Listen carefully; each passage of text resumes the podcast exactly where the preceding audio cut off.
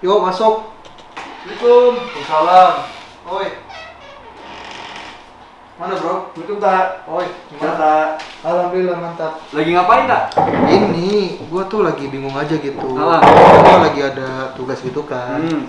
Tugasnya itu gua disuruh cari manusia terbaik gitu. Sedangkan kan ini lu bisa lihat sendiri nih. Hmm. Ada versi majalah Time, ada yang dari versi blog juga banyak. Hmm. Nah, lu mungkin punya masukan nggak kira-kira gua siapa nih orang gua masukin di tugas gua nih? Oke, jadi tak Hmm. mengenai siapakah manusia terbaik tak? Hmm. Kok usah bingung-bingung tak? Ada penjelasan, ada sebuah video Mm-mm. yang simple, padat dan jelas mengenai siapakah manusia yang terbaik. Mm-mm. Nah, videonya di mana? Hmm. Nih, di video yang satu ini. Hmm.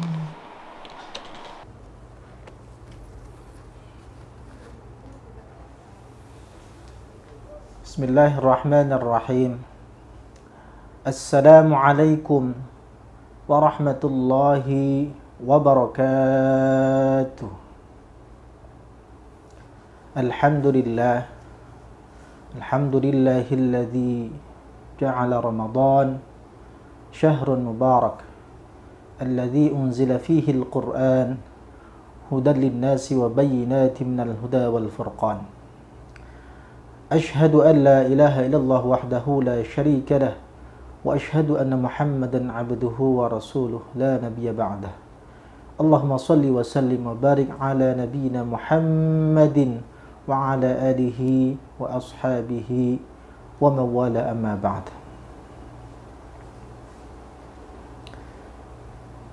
Saimin wassaimat dimanapun saudara berada mudah-mudahan selalu dalam lindungan dan rahmat dari Allah subhanahu wa ta'ala.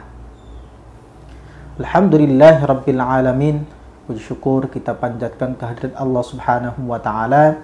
Alhamdulillah pada Ramadan tahun ini yakni 2021 miladiah 1442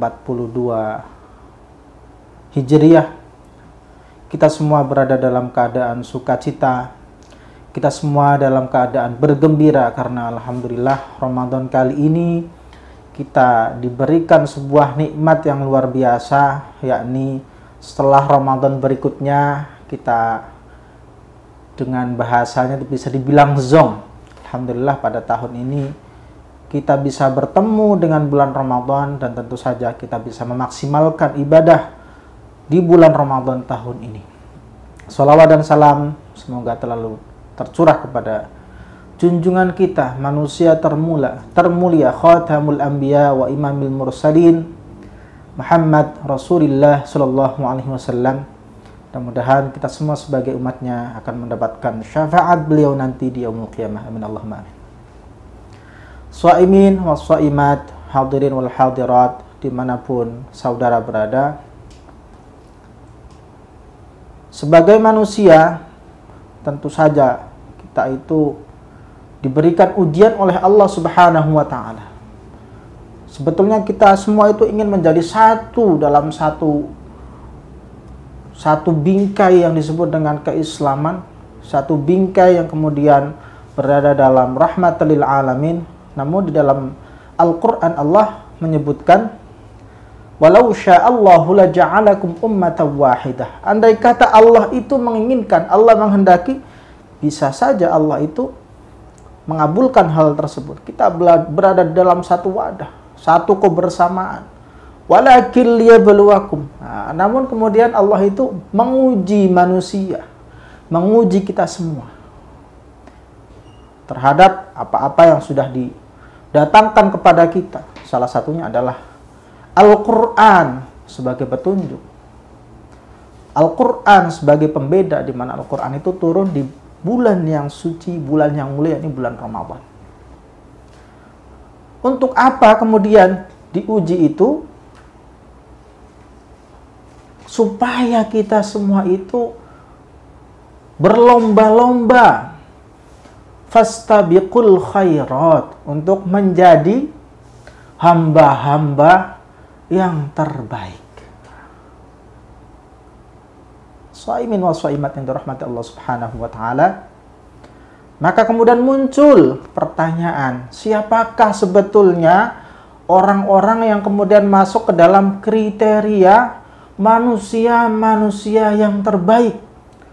Hamba-hamba Allah yang kemudian masuk ke dalam golongan hamba-hamba yang terbaik.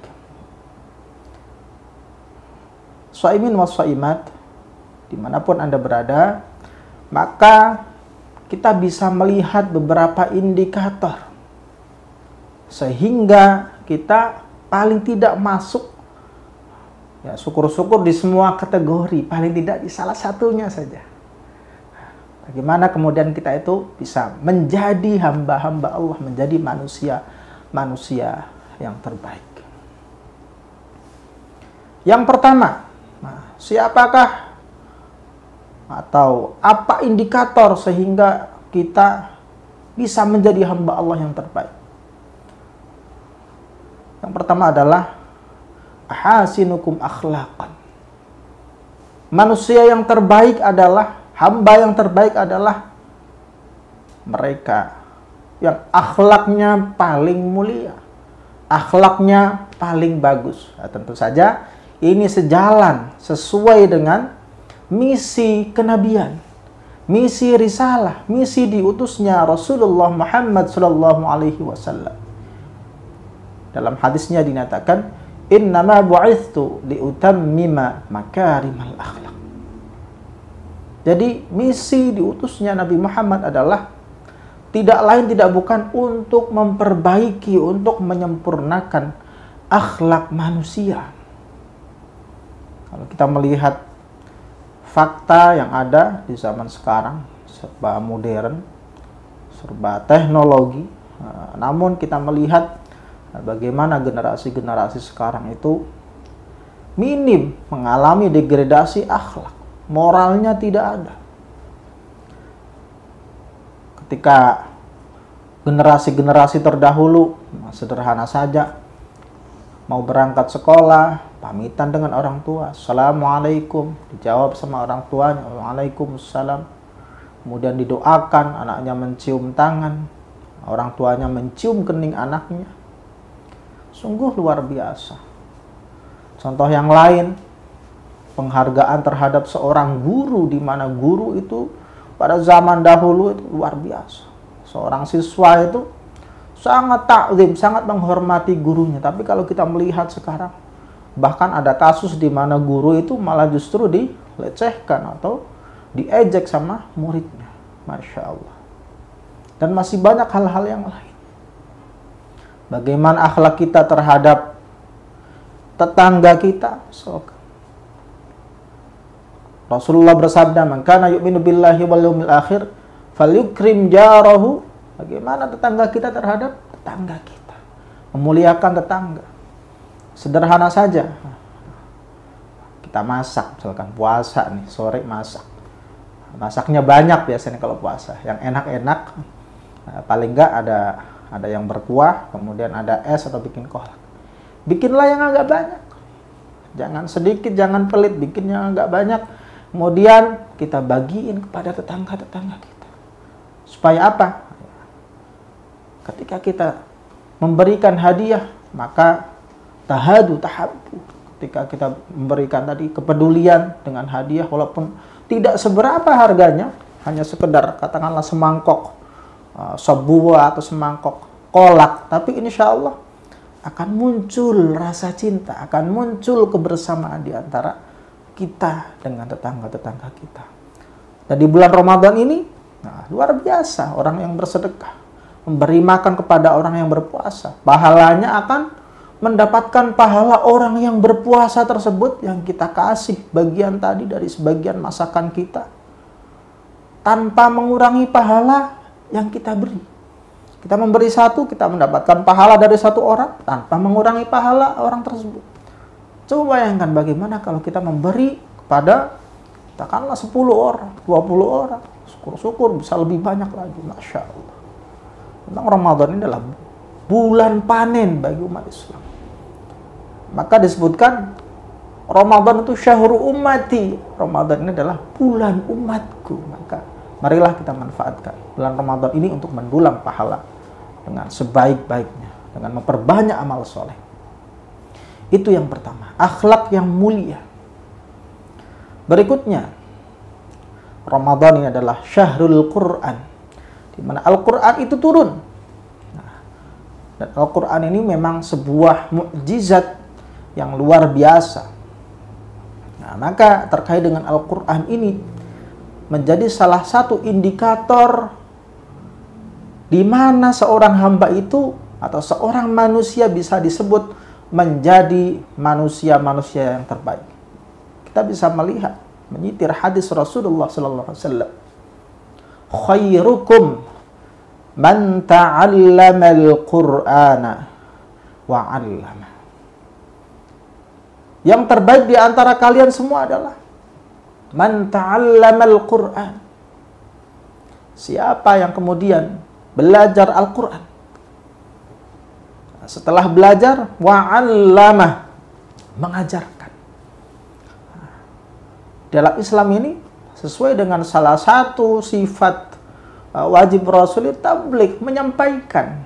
Nah, maka di sini orang yang kemudian sudah memiliki ilmu terkait dengan Al-Qur'an kemudian yang bersangkutan mengajarkannya kepada orang lain akhirnya manfaatnya itu lebih banyak tersebar ke mana-mana maka itu akan menjadi orang yang terbaik. Khairukum man ta'allama al-Qur'an. Maka para salafus soleh di bulan Ramadan itu menutup pengajian-pengajiannya, menutup majelis-majelis ilmunya yang muridnya sampai ribuan. Kenapa? Dalam rangka menghormati, dalam rangka memperbanyak ibadah, terutama untuk membaca Al-Quran di bulan Ramadan. Itu indikator yang kedua terkait siapakah manusia yang terbaik. Swaimin wassaimat rahimakumullah. Yang ketiga yang bisa kita ambil, kita bisa jadi patokan. Siapakah hamba yang terbaik? Adalah man umruhu wa hasuna amaluh. Orang yang umurnya panjang tapi amalnya itu bagus. Karena ada orang yang panjang umur, tapi amalnya itu kurang bagus. Nah, terkait dengan hal ini ada tiga kategori sebetulnya. Yang pertama adalah faminhum dhalimul li nafsi. Ada orang-orang yang mendolimi dirinya sendiri di mana kebaikan-kebaikannya itu bila ditimbang itu sedikit, kecil, banyak kejelekan-kejelekannya. Yang kedua, ini orang yang berada di pertengahan. Berada di pertengahan. Maksiat jalan, sholat jalan. Puasa jalan, main gaple jalan. Yang lain, ibadah-ibadah yang lain, zakat iya, menghibah iya. Nah, itu seimbang antara nah, amal-amal baiknya dengan amal-amal buruknya. Itu namanya golongan muqtasid. Nah, maka semestinya dengan datangnya bulan Ramadan ini kita menjadi hamba-hamba yang sabiqum bil khairati biidnillah. Hamba-hamba yang selalu berlomba-lomba ingin menjadi orang-orang yang terbaik dengan amal-amal terbaik. Entah itu dengan hartanya, entah itu dengan pemikirannya, dengan ibadahnya. Fabinhum sabiqum bil khairati. Maka dengan datangnya bulan Ramadan, marilah sekali lagi kita berlomba-lomba untuk meningkatkan amal, meningkatkan kebaikan, meningkatkan iman serta ketakwaan kepada Allah Subhanahu wa taala. Maka insya Allah dengan tiga kategori tadi bahwasanya manusia yang terbaik adalah yang baik akhlaknya, yang kemudian dia mau belajar Al-Quran dan mau mengajarkannya, artinya ada kecintaan terhadap Al-Quran, di mana Al-Quran ini selain sebagai bacaan juga sebagai petunjuk di dalam kehidupan kita. Dan yang terakhir, kita memanfaatkan umur yang diberikan kepada kita dengan melakukan amal-amal solih. Maka insya Allah paling tidak dengan tiga hal tersebut kita akan menjadi manusia-manusia yang terbaik di sisi Allah Subhanahu wa taala. Mudah-mudahan amal puasa dan amal ibadah lainnya di bulan Ramadan ini diterima oleh Allah Subhanahu wa taala sehingga kita menjadi hamba-hamba Allah yang mendapatkan kemenangan. Assalamualaikum warahmatullahi wabarakatuh.